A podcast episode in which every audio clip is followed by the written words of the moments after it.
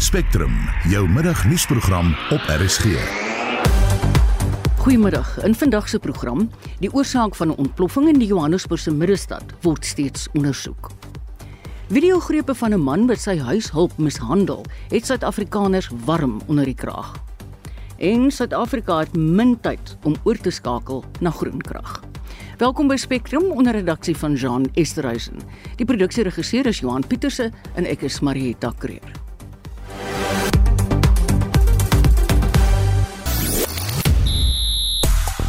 Die vroue sokker wêreldbeker skop in Australië en Nieu-Seeland af en onder 20 weergawe van die rugby kampioenskap word bekend gemaak. Ek is Shaun Jooste vir RSG Sport. Ons wil graag by die luisteraars weet, daar was gister altesaam 11 tussenverkiesings in 5 provinsies met wisselende grade van sukses. En ons wil nou by die luisteraars weet, stem jy in tussenverkiesings? Indien wel, hoekom? En as jy nie gaan nie, hoekom nie? Ons wil graag hoor wat jy voel. Stuur 'n SMS na 45889 teen R50 per boodskap en jy kan enige tyd op RSG se Facebookblad saampraat. 'n Taakspan wat beamptes van Egoli Gas insluit, is saamgestel om ondersoek in te stel na die oorsaak van die ontploffing laat gistermiddag in Lillian Ngoyi Straat in Johannesburg se middestad, beter bekend as Breë Straat. Een persoon is dood en ten minste 48 is beseer.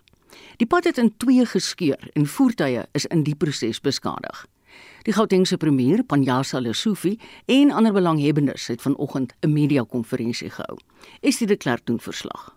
Lesufi sê die tankspan moet ondersoek instel om vas te stel wat die ontploffing veroorsaak het, maar daar word vermoed dat dit moontlik 'n gasontploffing was. Because we are suspecting gas, we have now formally brought all institutions that deal with gas. We now have Egoli Gas, we have brought Sasol, and we are bringing anyone that has either underground pipes or cabling, telecom, water, and any institution that we really believe will assist us just to determine the cause of the impact and also give us the necessary advice. So we have brought those institutions, including City Power, Igoli Gas het in 'n verklaring op Twitter gesê die pyplyn op die dienspad van Breestraat is ondersoek en is nie beskadig nie, maar 'n klein lekkasie is wel ontdek op die Servatiek pyplyn by die hoek van Bree en Elofstrate op 'n 100 mm pyplyn. Igoli Gas sê daar is sowat 15 ander verbruikslyne in dieselfde gebied. Die maatskappy sê ook dat verskeie video's beeldmateriaal vertoon van mangatdeksels wat deur die ontploffing afgeblaas is en dat 'n wit gasstof gesien kan word. Maar Egoli Gas benadruk dat sy natuurlike gas nie met die blote oog gesien kan word nie en dat die stof wat uit die mangate gekom het eerder soos warm stoom lyk. Rampbestuurbeamptes sal ook vandag die toestand van geboue rondom Breë en Russikstrate nagaan. Intussen sê die nasionale taxi alliansie se woordvoerder, Theo Malele, die ontploffing gaan 'n negatiewe impak op die taxi-bedryf hê. The uh, ground was uh, blown up and cars were seen uh, flying, landing on other vehicles, and you know our taxis were also, you know, damaged. We learned late last night that about 20 of our taxis have been actually damaged. And we still are in the process of uh, assessing uh, these damages. It is going to have a negative impact on the industry, so this is actually a cause for concern, and it needs authorities to, you know, lock heads with us so that we can find a solution to this problem. Dit was die nasionale taxi alliansie se woordvoerder Theo Malele. Ons bly by die storie en ons praat nou met die woordvoerder van Johannesburg se nooddienste Robert Mulawutsi. Good afternoon Robert. Good afternoon, afternoon to the listeners. I take it you have a very busy day. What is the latest information? Uh, right now, we uh, uh, still have uh, our teams who are on site, just monitoring the situation on the, uh, where the incident occurred, uh, working together with other stakeholders in the city of Johannesburg just to make sure that the area is cordoned off and there is no movement in that area and uh, also uh, uh, in terms of detecting, assisting in terms of detecting the gas which was reported to have been leaking from yesterday. The death toll is still at one person? Uh, come again? The death toll is it still just one Yes. person? Yes, the death the death toll is still one person. Mm-hmm. Uh, yes, that is where, where we still are. And 48 No. injured. Yes, 48 injured. Yeah. Okay. Has the area been cordoned off? I suppose so. Yeah, yeah, yes, the area has been cordoned off. And we are also pleading with our residents out there to continue to stay away from that area so that we can minimize any uh, incidents which might occur in that area because we might still have a chance of a secondary uh, explosion. Yes, we, we encourage discouraging Yes. people to come in there, Yes. you know, uh, closer to the area. Robert, how long do you think the investigation will take? Uh, at this stage, we we are really not sure as to how long, uh, because we are we uh, the city is bringing all the experts to assist us to check uh, to find out uh, what might be the, the the cause. So at this stage, we are not able to give like a the exact uh, time frame, but uh, the city will issue a a proper statement uh, regarding that. And is it simply a rumor that it has to do with the sewage system? Yeah, for now, we don't know. It's just a rumor. We don't know because there are possibilities of a gas leak. There are possibilities of a, a methane, uh, which is a gas which you find in the storage system. It might also be illegal mining. So at this stage, there is no uh, confirmed uh, reports of as to what uh, might be the cause of this incident. Right, Robert, I hope it goes well with your day. Dit was Robert Mulawutsi van die Johannesburgse nooddienste. Welkom terug. Dis 13 minute oor 12. Ons waarsku dat die volgende gesprek inhoud kan bevat wat sensitiewe luisteraars kan ontstel. Skok en afgryse heers onder Suid-Afrikaners nadat grepe van 'n video op sosiale media versprei is van 'n man wat 'n huishulp ondervra en na bewering martel. Hy trek onder meer 'n handdoek oor haar kop en dreig om haar vingers af te sny as sy nie sou praat nie. Kort uittreksels van die beeldmateriaal is op sosiale media platforms gedeel deur die drukgroep Action Society se Ian Cameron. En ons praat nou met Ian. Goeiemôre. Goeiemôre Marietta. Hoeveel inligting Ian het julle beskikbaar oor hierdie voorval? Wanneer en waar het dit plaasgevind? So wat ons tot dusver weet is dat dit ongeveer 2 jaar terug plaasgevind het. Ehm um, die man wat in die video doen wat wat hy doen, ek gaan nie nou sy naam noem nie, maar hy was 34 ten tye van die insident of ongeveer 34 en hy is blykbaar 'n uh, 'n uh, advokaat. Ehm um, hoe akkuraat dit is, weet ek weet ek nie presies nie. Almal is maar nou nog besig om nog uit te vind. Daar was ook twee vrouens wat teenwoordig was tydens die insident en een van hulle was natuurlik uh, betrokke met die met die met die fisiese vervulling van van wat gebeur het. Dit word verbind, dit blyk vir ons te wees 'n uh, ondervraging wat gepaard gegaan het met die Hills pa en seun wat op daardie selfde plaas uh vermoor is uh uh net voor voor hierdie spesifieke ondervraging. So baie baie snaakse geraamtes en dinge wat nou uit die kas uitkom. Die rede wat ek dit eintlik maar net gedeel het is ek dink is verskriklik dat enige iemand 'n mens so behandel. Dit is net verkeerd. En nou nou is dit een baie groter ding as wat ons gedink het dit gaan wees. So een ek lei af, daar is die individu is geïdentifiseer. Vir 'n rede hou julle dit nou op die oomblik net eers veilig. En het jy enige inligting oor hoekom die vrou ondervra is? Ek vermoed en hierdie is suiwer net 'n persoonlike vermoede. Ek vermoed hulle wil die indruk geskep het daai tyd dat dat sy dalk ehm um, op 'n manier 'n uh, persoon van belang of iemand was wat inligting gehad het oor die die moorde uh, wat plaasgevind het op daai plaas uh, in in Henneman of naby Henneman. Uh dit dit blyk so, dis amper asof hy haar vra, jy weet, hy sê op 'n stadium vir hom maar wie die honde toegemaak. Uh jy weet hy hy hy vra vra wat die indruk skep dat sy medepligtig in een of ander vorm van 'n misdryf was en die aanname wat ons dan nou maak is uh is dat dit iets daarmee te doen het maar soos ek sê Marita dis dis bitter moeilik want 'n mens het nie al die konteks van waaroor daar mm. gepraat word nie maar uh, maar dat hy absoluut verkeerd optree is so duidelik soos daglig. Sou 'n mens hierdie man se gedrag ehm um, kon beskryf as dit grens aan marteling en mishandeling? Ja, absoluut. Ek ek ek dink in die in die uh, die manier wat dit gedoen word dat dit so half 'n ondervraging is, is dit so. Ehm um, wat vir my moeilik is met met hierdie geval, jy weet ek ek sien nou die EFF klim maar op en hulle dryf suiwere rasse narratief nou.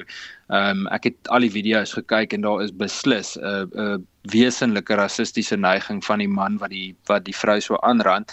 Maar wat my pla is dat ek nie dieselfde uh tipe optrede van entiteite soos die EFF sien byvoorbeeld toe dit vier breinmans was wat deur swart polisiebeamptes aangerand word op 'n op 'n snelweg nie. Jy weet dis asof daar hmm. ehm um, jy moet jy moet of 'n sekere graad van wit wees of swart of bruin voordat jou saak aandag sal geniet. En vir my gaan dit absoluut oor die beginsel. Ja. Ek hoor jou. Een in 'n alreeds verdeelde Suid-Afrika. Het ons beslis 'n insident soos hierdie glad nie nodig nie. Maar hoe gereeld gebeur dit dat sulke tipe voorvalle hulle kop uitsteek? Ehm um, ek het al van van verskeie stories gehoor. Dis die eerste keer wat ek uh, persoonlik dit so op 'n video sien en en regtig ek het nou 'n klomp gedeeltes van daai video gesien. Klomp van dit het ons nie gedeel nie. Ons het net twee gedeeltes gedeel. Ehm um, ek het die twee stukke gedeel wat na my mening die mees gewelddadig is. Dit is wat ons tot ons beskikking het. Maar ek sal nie verbaas wees as dit daar meer sulke goed gebeur nie. Ek dink wat hierdie meer laat aandag trek is die feit dat daar die ras uh uh die baie duidelike ras uh atmosfeer geskep word deur deur hoe die man praat en wat hy doen. Ehm um, maar dit gebeur in die breë heelwat in Suid-Afrika en ongelukkig gebeur dit ook dikwels dat wetstoepassings uh uh agentskappe, het dit nou die polisie of of ander, hulle self ook skuldig maak aan hierdie tipe metodes. Ja, ek is altyd verstom as jy dan nou so iets wil doen. Waarom word dit afgeneem? En ek meen dis my so af sadisties. Ja, ek het gemengde uh, so so blykbaar wat ons sover kon uitvind, die een vrou wat teenwoordig was, het dit is blykbaar 'n uh, 'n uh, lyftaalkenner uh van 'n aard. Daar was op 'n stadium gesê sielkundige.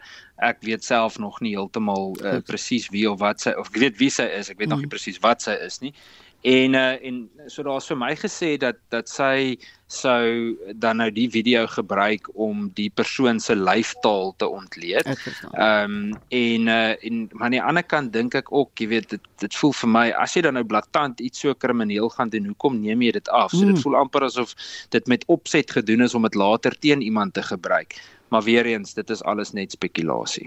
Jy het nou net nou verwys na die voorval van die verkeersouens, die polisie wat daai ouens van die weermag op die snelweg bygekom het.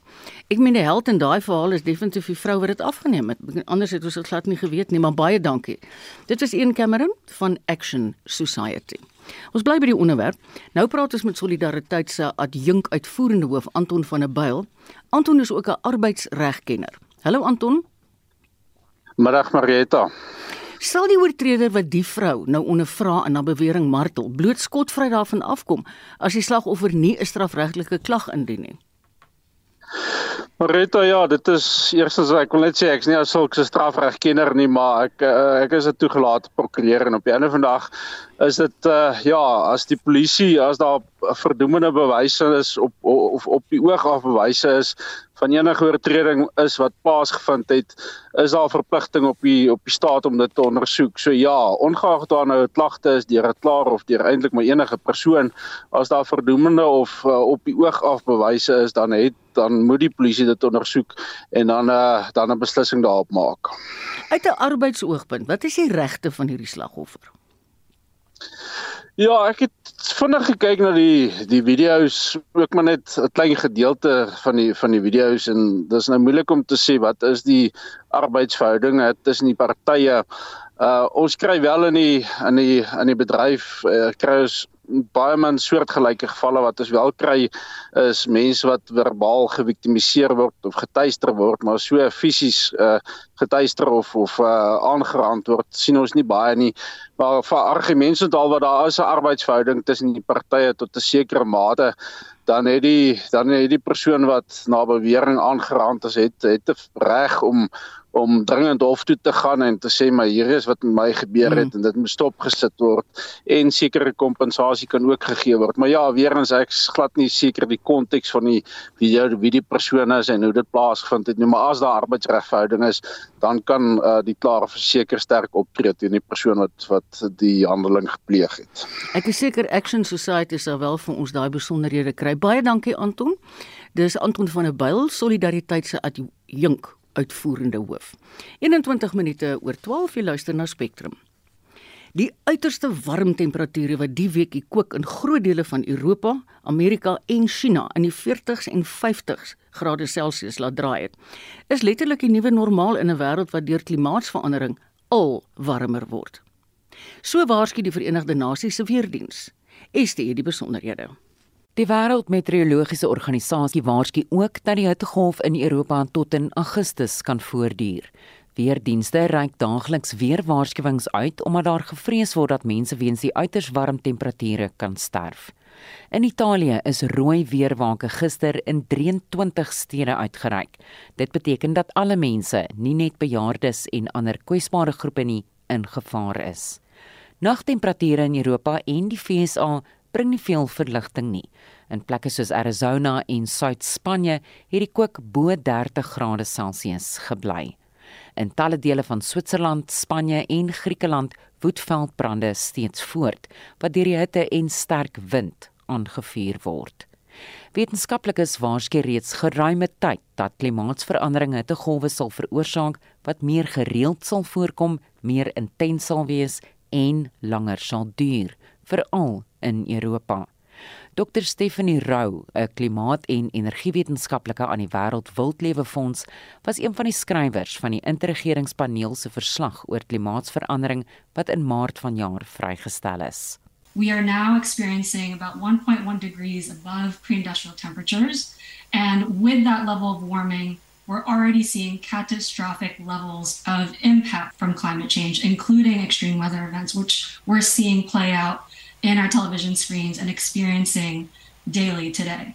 One of the main findings was that the models have done a good job tracking warming over time. But what's surprising is that, in fact, the impacts are happening much faster and at a higher magnitude than was originally predicted. And so, events like extreme weather events are occurring at lower global warming levels than originally assessed Klimaatsverandering het 'n impak op almal op aarde, insluitend alle diere en ekosisteme op land, see en varswater. We're seeing massive impacts in our terrestrial ecosystems and our freshwater ecosystems and our ocean ecosystems. And in fact, we're already seeing the first impacts of extinctions due to climate change. So these impacts we're already seeing are irreversible. And the the continuing increases of temperatures that are projected over the next coming decades is expected to increase 3 to 4 times the impacts uh, that we're seeing today. Aardverwarming gebeur teen so vinnige tempo dat mens en dier geweldig sukkel om daarbey te kan aanpas. So we're seeing that half of the animals and species, plants, etc that that were assessed in the IPCC report have shifted either polewards or are increasing their elevation to be able to move to livable conditions.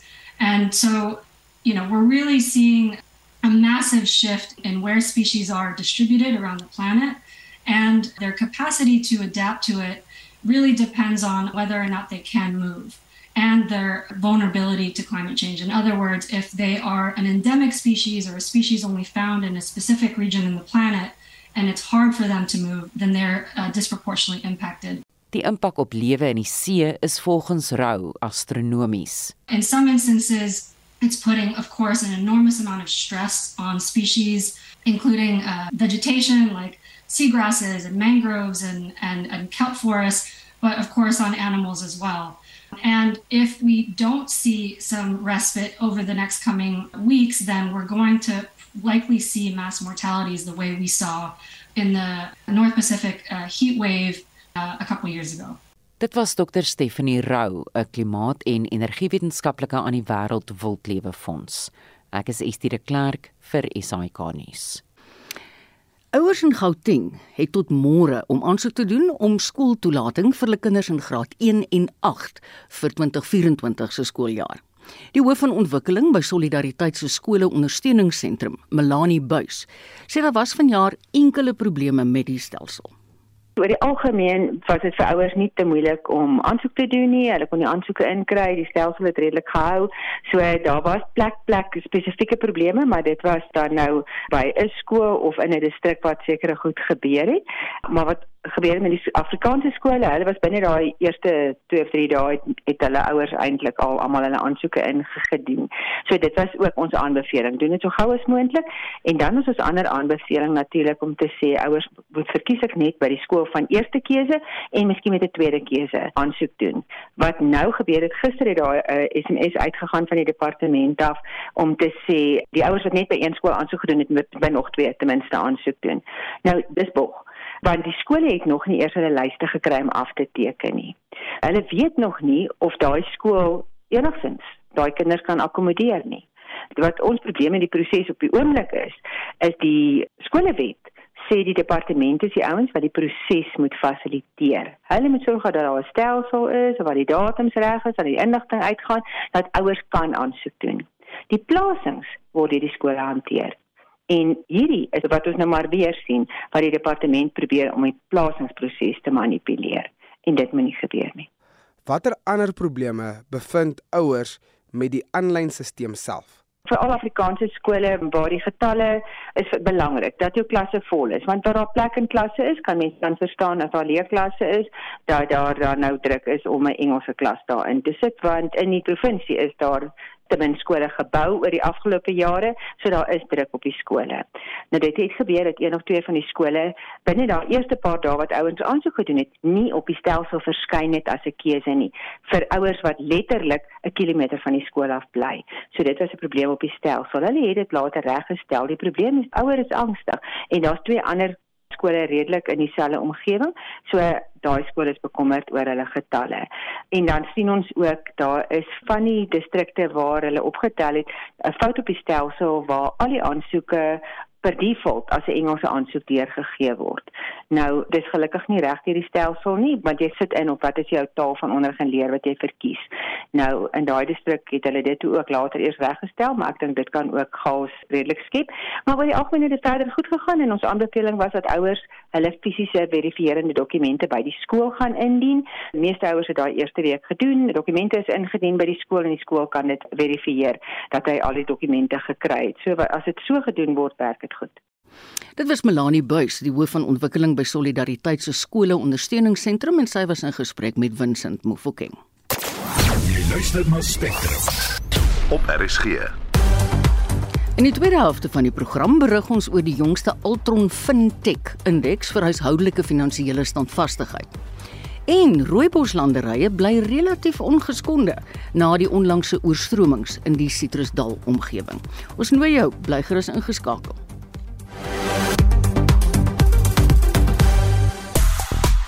Ons het vroeër in die program gevra, synde dat daar gister 11 tussenverkiesings was in die land, of jy nog stem in 'n tussenverkiesing. En ons het wonderlike terugvoer gekry op die RSG Facebookblad.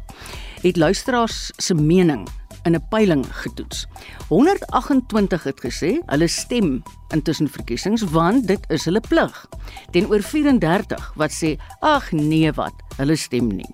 Op ons SMS-lyn laat weet Pier Konradi van Kuilsrivier. Ja, ek stem in tussenverkiesings want anders kan ek nie oor swak dienslewering van die plaaslike munisipaliteite kla nie. Laat weet gerus hoe jy oor hierdie saak voel. Gaan na die RSG Facebook peiling toe of jy kan saampraat op ons SMS lyn 45889 teen R50. En nou sluit Shaun Jooste by ons aan met die jongste sportnuus. Die vroue sokker wêreldbeker het vanoggend in Australië en Nieu-Seeland afgeskop. In die eerste wedstryd het Nieu-Seeland vir Noorwe met 1-0 geklop. Australië en Ierland pak mekaar op die oomblik in Sydney. Australië word as gunstelinge beskou. Hulle het oor die laaste paar maande oorwinnings oor Engeland, Frankryk, Spanje en Swede bal, maar in die laaste kragmeting tussen die twee het Ierland 3-2 geseëvier. Banyana Banyana is in groep G en kom sonoggend 7uur in hulle eerste wedstryd teen Swede te staan. Oor na rugby nuus. Daar is goeie nuus vir die junior boksspan. Sansa het vanoggend aangekondig dat 'n onder 20 weergawe van die rugby kampioenskap in 2024 begin. Dit sal junior spelers van Argentinië, Australië, Nieu-Seeland en Suid-Afrika meer en beter ontwikkelingsgeleenthede gee. Die toernooi sal jaarliks in een van die vier lande plaasvind en oor 3 weke gespeel word. Elke span speel een keer teen mekaar en die span bo aan die punteleer word as kampioene verklaar. Op die tennisbaan stap Suid-Afrika se Kevin Anderson vanaand in die kwart eindronde van die Newport 250 toernooi in die VSA teen die wêreldnommer 40 van Frankryk Hugo Humbert op die baan uit. Dit is Anderson se derde enkelspelwedstryd sedert sy terugkeer na professionele tennis. En Marietta, ons skakel nou na Lali Stander oor om vir ons die jongste nuus te bring oor die 151ste ope op die Royal Liverpool baan. Jy hoef nie baie ver te soek om die eerste Suid-Afrikaner op die openingstelbord van die Britse Ope te vind nie. Om die waarheid te sê, sy naam is heel bo aan en dit is die van Christo Lamprecht, 'n 22-jarige amateur golfer van George in die Suid-Kaap. Die luisteraars wat die afgelope paar weke wêreld golf ge uh, gevolg het, gaan die naam herken. Lamprecht het so 3 weke gelede die gesogte amateur kampioenskap in Engeland gewen en so sy plek by die 151 se ope bespreek. Vanoggend wys hy hoekom hy die derde plek op die wêreld amateur ranglys beklee. Die Golf RSA se nasionale spanspeler het oor die 9 eerste 9 bytjies foutlose golf by Hoylake in Liverpool gespeel en op 3 onderbaan syfer gedraai na voeltjies op die 3de, 5de en 6de bytjies. Hy het na 4 onder beweeg met 'n voeltjie uh op die 10de, maar 'n hou aan baan syfer afgestaan op die syfer 4 11de. Hy speel tans die 14de en met 4 bytjies oor glo ek hy gaan die voortou behou. Hy speel baie bestendige golf Hy's een hou voor Engelsman Matthew Jordan wat op sy tuisbaan 'n ronde van 71 aangeteken het. Dis twee houe beter as baansyfer en hy is een van 13 spelers op 2 onder. Die naasbeste Suid-Afrikaner is Martin Rouwer wat sopas begin het en na 3 pypies nog eens gelyk is aan baansyfer. Lali Stander vir RSG Sport. Ja, dit was Lali en ons het vroeër ook geluister na Shaun. Welkom terug by Spectrum is 25 voor 1. Die uitvoerende hoof van die Energieraad, James McKay, waarsku dat Suid-Afrika te min tyd gaan hê om van steenkoolkrag na herwinbare energie oor te skakel. Dit kan tot gevolg hê dat die land in 2030 uit wêreldmarkte gesluit word. Mitsi van der Merwe het meer.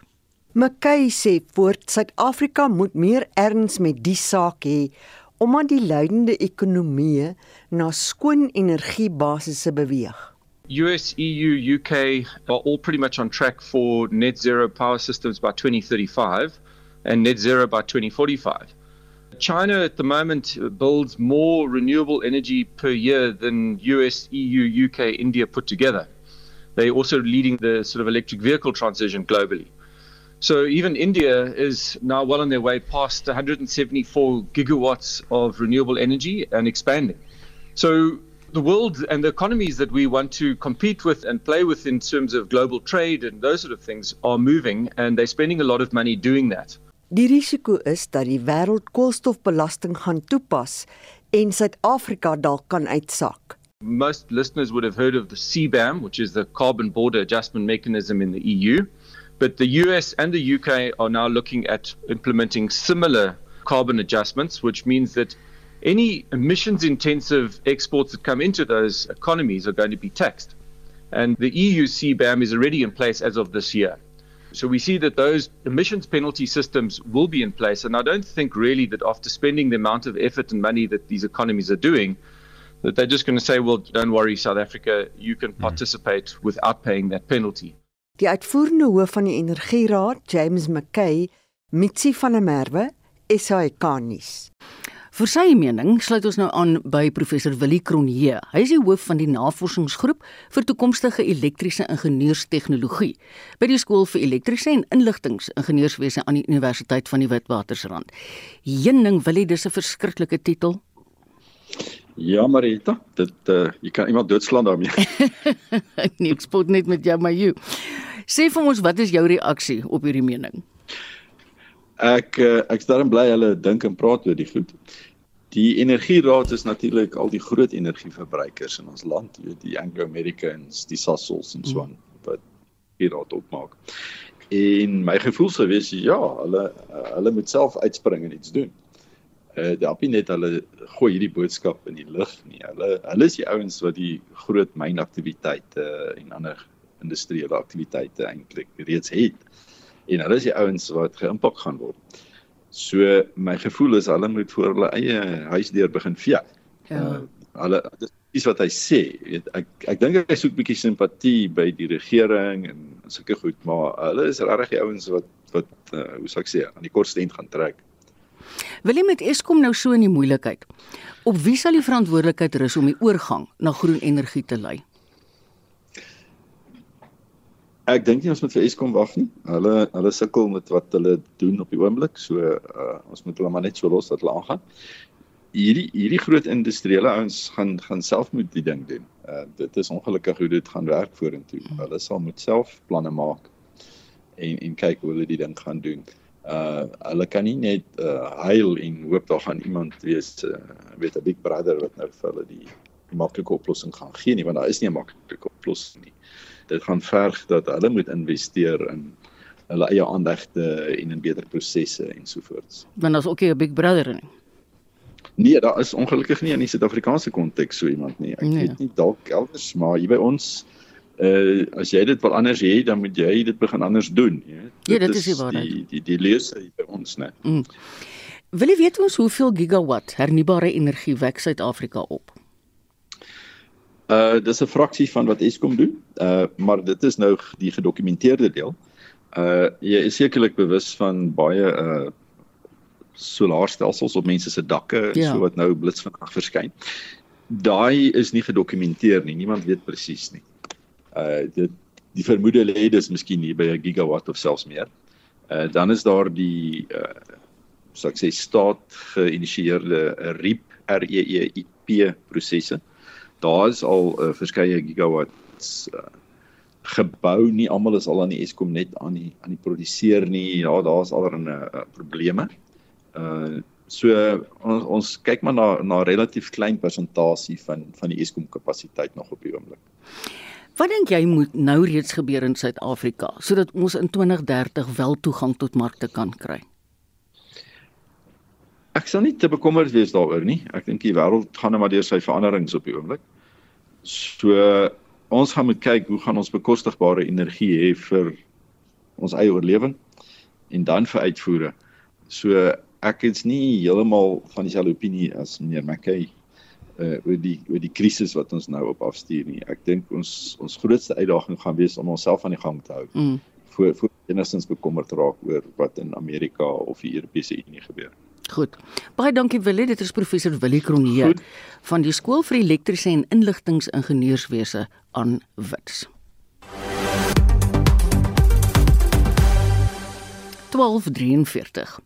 Die Rooibosraad sê ten spyte van die groot oorstromingsskade in die Citrusdal omgewing in die Wes-Kaap, lyk dit of rooiboslanderye relatief ongeskonde daarvan afgekom het.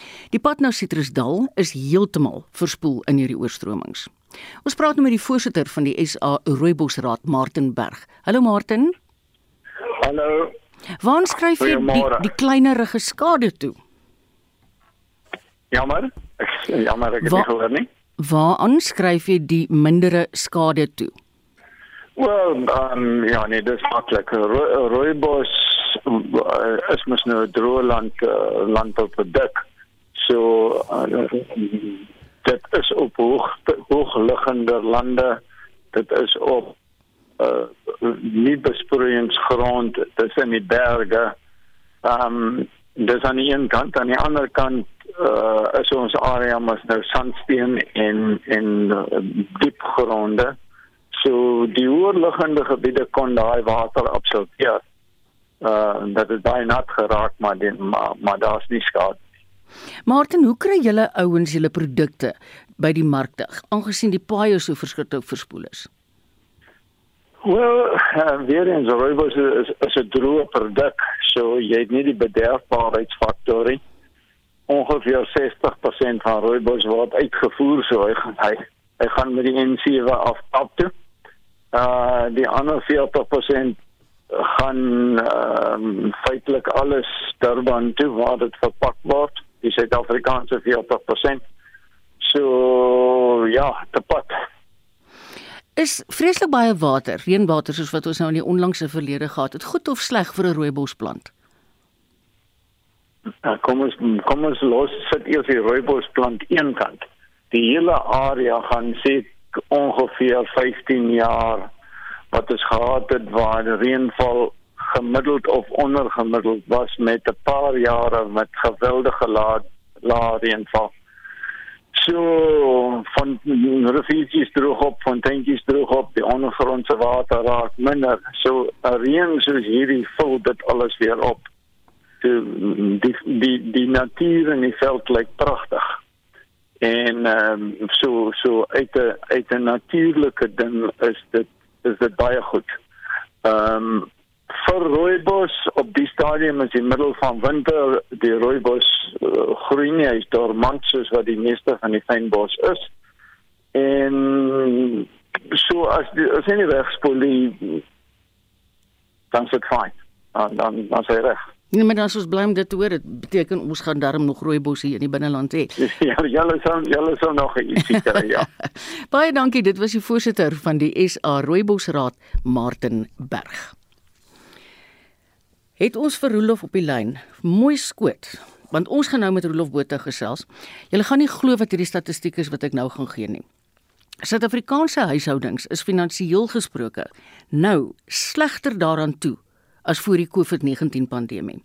Volgens die jongste Altron Fintech indeks vir huishoudelike finansiële standvastigheid, het huishoudings se standvastigheid met 2,4% verswak in vergelyking met die 4de kwartaal van 2022 en 1,8% jaar op jaar.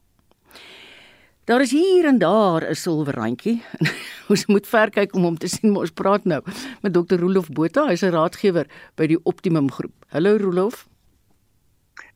Goeiemiddag julle. Ek wil vir jou vra, kan ons by die rentekoers aankondiging begin? Baie ekonome het in die aanloop tot die rentekoers aankondiging vandag voorspel dat die rentekoers weer opwaarts aangepas gaan word. Jou reaksie op vandag se aankondiging bleef? Kyk, ek dink uh, meeste luisteraars um, is bewus daarvan dat uh, ek ewige kritiek al uh, geloods het teen die Reserwebank se monetêre beleid want ons het nie vraag inflasie in ons land nie. Glad nie. Hoe genaamd nie. Daar's geen teken daarvan. En rentekoerse kan net vraaginflasie hokslaan, nie aanbodkant inflasie soos byvoorbeeld 'n hoër petrolprys, soos byvoorbeeld 'n swak wisselkoers omdat die dollar so vervlak sterk is of soos byvoorbeeld 'n 700% toename, 700% hmm. toename in internasionale skeepsvragtariewe tussen die einde van 2019 en die einde van 2021. En dit was die redes waarom ons inflasie gestyg het die rentekoerse kon absoluut niks daaraan gedoen het nie. Hulle het dit nie gedoen nie. Al wat die rentekoers gedoen het is om die finansiële posisie van jou mediaan Suid-Afrikaanse huishouding te verswak. Ja, ek dink nie jy hoef daaroor eers uit te brei nie. Ek dink ons almal voel dit aan ons basse. Wat hmm. dink jy probeer die Reservebank doen? Die Reservebank probeer om baie slim te lyk. Uh hulle probeer om Amerika na te aap. Ehm um, in 'n onlangse artikel wat geskryf is deur Prof Graham Bar van die Universiteit van Kaapstad en 'n uh, prof Brian Kantor, die bekende uh, prof Brian Kantor van Investec, uh, het hulle ook uh, duidelik te kenne gegee of vir die Reservebank die die raad gegee wat ek nou al vir maande lank op hulle gee en dit is om nie die ekonomie verder te verswak met hoë rentekoerse wat geen impak gaan hê op inflasie nie. Die rede hoekom die inflasiekoers gister so mooi afgekom het na 5.4% toe. Uh hy was op 7.8 mm. gewees Julie verlede jaar dit was voorspelbaar. Ek voorspel dit nou al uh, vir 6 maande lank en uh, ek kry dit nie altyd reg nie, maar wanneer ek dit reg kry dan vertel ek vir soveel as moontlik mense. Eh, dit is goeie bemarking daardie, maar wat dit was hoogs voorspelbaar want die rede waarom inflasie nou so vinnig afgekom het is omdat die skeepsvragtariewe het met 80% weer ges, gesak. Hulle is nou weer waar hulle moet wees. Mm. Min of meer so 1400 dollar vir 'n 40 uh, voet vraghouer mediaan afstand Hy was uh, net terloops oor die 10000 dollar. Hy's nou net bokant 1000 dollar. Ja. En ons voel dit want 80% van alle goedere wat mense in 'n winkel kan koop word uh, beskip vervoer mm. uh, uh, internasionaal wêreldwyd. Mm. Die ander rede natuurlik is die daling van 40% oor die laaste jaar in die olieprys wat uh, ons produksieprysindex dramaties laat sak het met 60%. Dit was so voorspelbaar wat nou gebeur, maar dit het niks met die Reserwebank te doen nie. Uh wil ek ook maar net net noem. Ja. En dan die derde rede en dit kry ons hierdie uh, in die Altron Fintech Index waar ons uh, gou-gou gaan gesels is dat uh, ten spyte van 'n uh, mooi toename in in diensname in Suid-Afrika het die gemiddelde salaris, die salarisse nie tred gehou nie. Jou gemiddelde salaris het die laaste jaar gedaal in Suid-Afrika in reële terme. Ja. In nominale terme lyk dit dit lyk goed op jou payslip. Uh maar in reële terme as jy inflasie aftrek dan is jy so bietjie swakker daaraan toe. Maar dit beteken dit is die dis nog 'n rede waarom inflasie afgekom het. Want totale lone en salarisse in ons ekonomie is min of meer die helfte van ons BBP van 'n koste kant af gesien. So dit beteken dat inflasie gaan waarskynlik in die volgende maand of 2 nog verder sak. So ek hou daarvan om te glo dat die Reserwebank genoeg weet van ekonomie dat hulle nie vandag rentekoerse gaan verder laat styg nie en dat hulle binnekort rentekoerse gaan laat daal. Ek hoop jy's reg, Rolof. Ek hoop. Wat is die grootste aanduiding van finansiële druk op huishoudings volgens hierdie Altron Fintech indeks?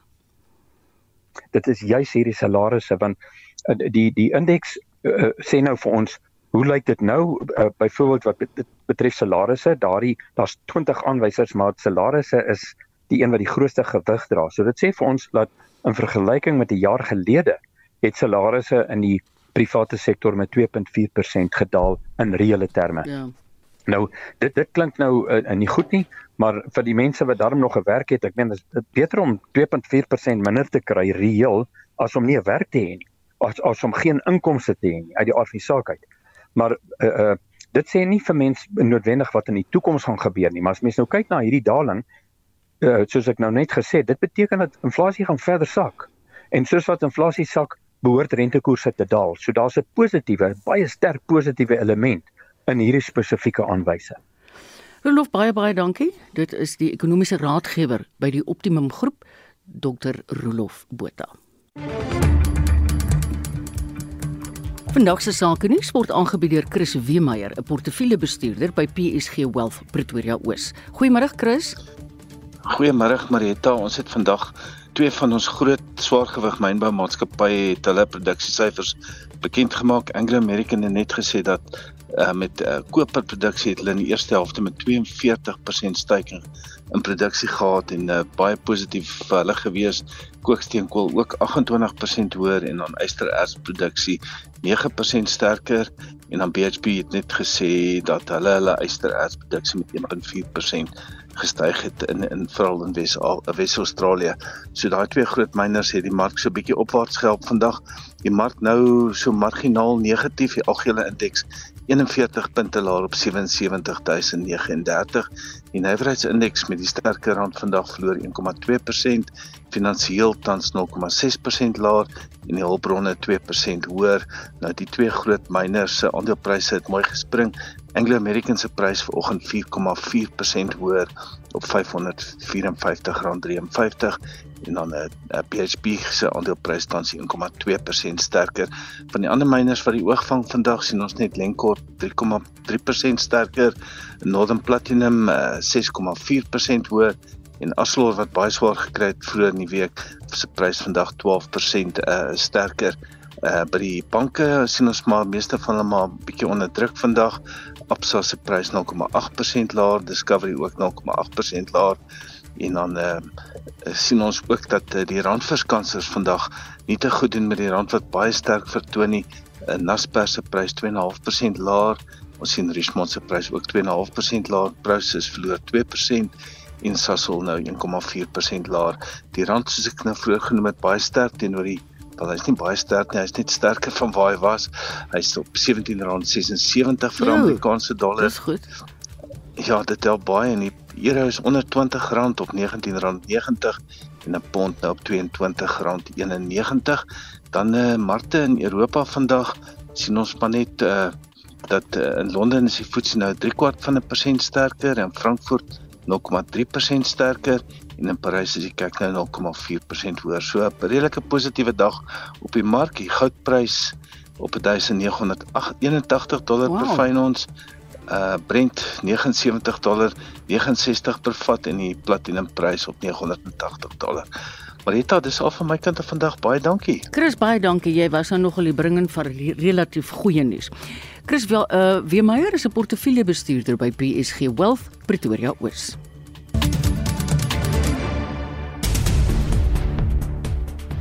Soek en reddingsspanne in Johannesburg is steeds op soek na 'n kind wat vermis geraak het tydens 'n vermoedelike gasontploffing in die middestad gistermiddag. Marlenae hou vir ons die dag se nuus dop. Hallo Marlenae. Hallo Marieta, die polisiekommissaris in Gauteng, luitenant-generaal Elias Mawela, het intussen gevra dat vermiste familie of vriende by die polisie aangemeld word. Some other people they were saying that no, that child may be deceased, may be underground, things like that. We have deployed our dogs, which are trained to do search and rescue, to search for us, but we could not detect anybody in that particular space. So for now, we call upon those who claim that their loved one is missing. Let them go to the nearest police station to can come and report to us and tell us that one of their own is missing. Steeds in Gauteng, inwoners van Krugersdorp in Mogale City se munisipaliteit sit nou al sedert verlede week Vrydag sonder water. Dit volg op herstelwerk aan Randwater se Eikenhof pompstasie soos wat ons hier in Johannesburg ook gehad het, maar inwoners daar sê die munisipaliteit het nie goed genoeg voorberei nie en doen nie genoeg om inwoners op hierdie stadium te help nie.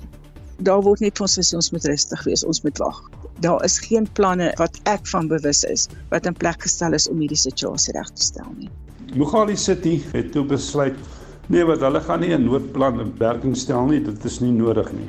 Ek moes op die einde van die dag moes ek nou eergister in my wijk privaat mense kry wat ek self gereël het om net by die ouer huis om Jojo denke te gaan volmaak want hulle intensiewe sorgeenheid het uit water uitgehaal.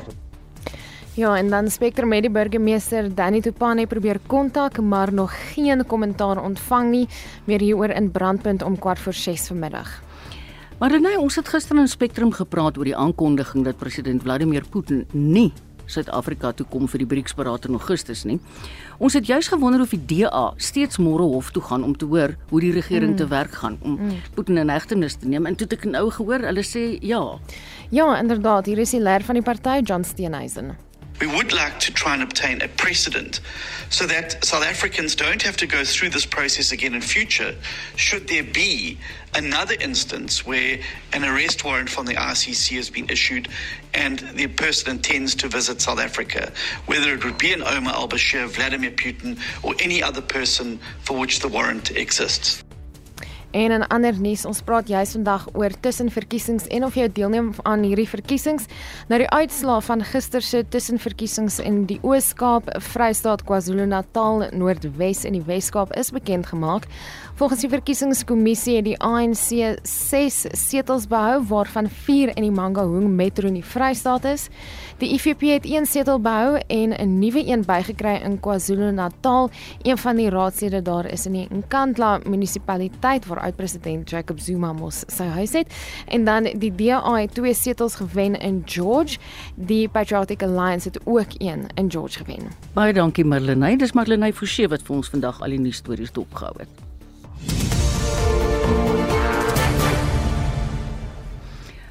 Daar's nog 'n bietjie terugvoer van ons luisteraars na aanleiding juis van hierdie tussenverkiesings. Ons wou graag weet of die luisteraars wel daaraan deelneem. Tot Petro Potgieter van Welkom laat weet op die SMS-lyn.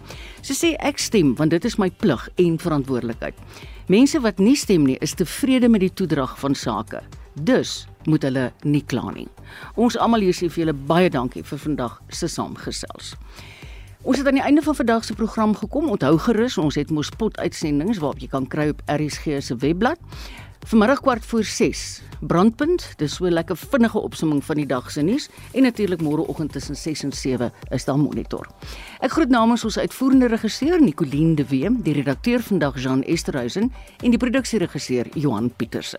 Ek hoop jy gaan die res van die middag geniet in die geselskap van RSG. Hierna volg Brandpunt en die 1 uur nuus uit ons Kaapse ateljee met Martelie Sprink.